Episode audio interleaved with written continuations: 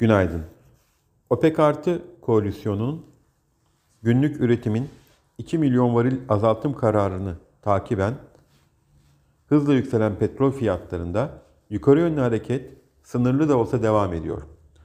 Avrupa Birliği ülkeleri Rus petrolüne taban fiyat uygulanması üzerinde anlaştı.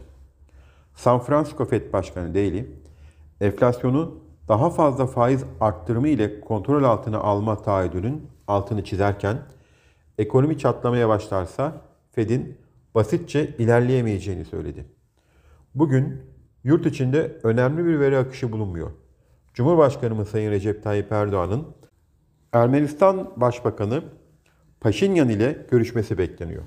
Yurt dışında Avrupa bölgesi perakende satışlar takip edilecek. Bu sabah Asya endeksleri ve Amerika'da vadeli endeksler hafif alıcılı işlem görüyor. Borsa İstanbul'da hafif alıcılı bir başlangıç öngörüyoruz. İyi günler, bereketli kazançlar.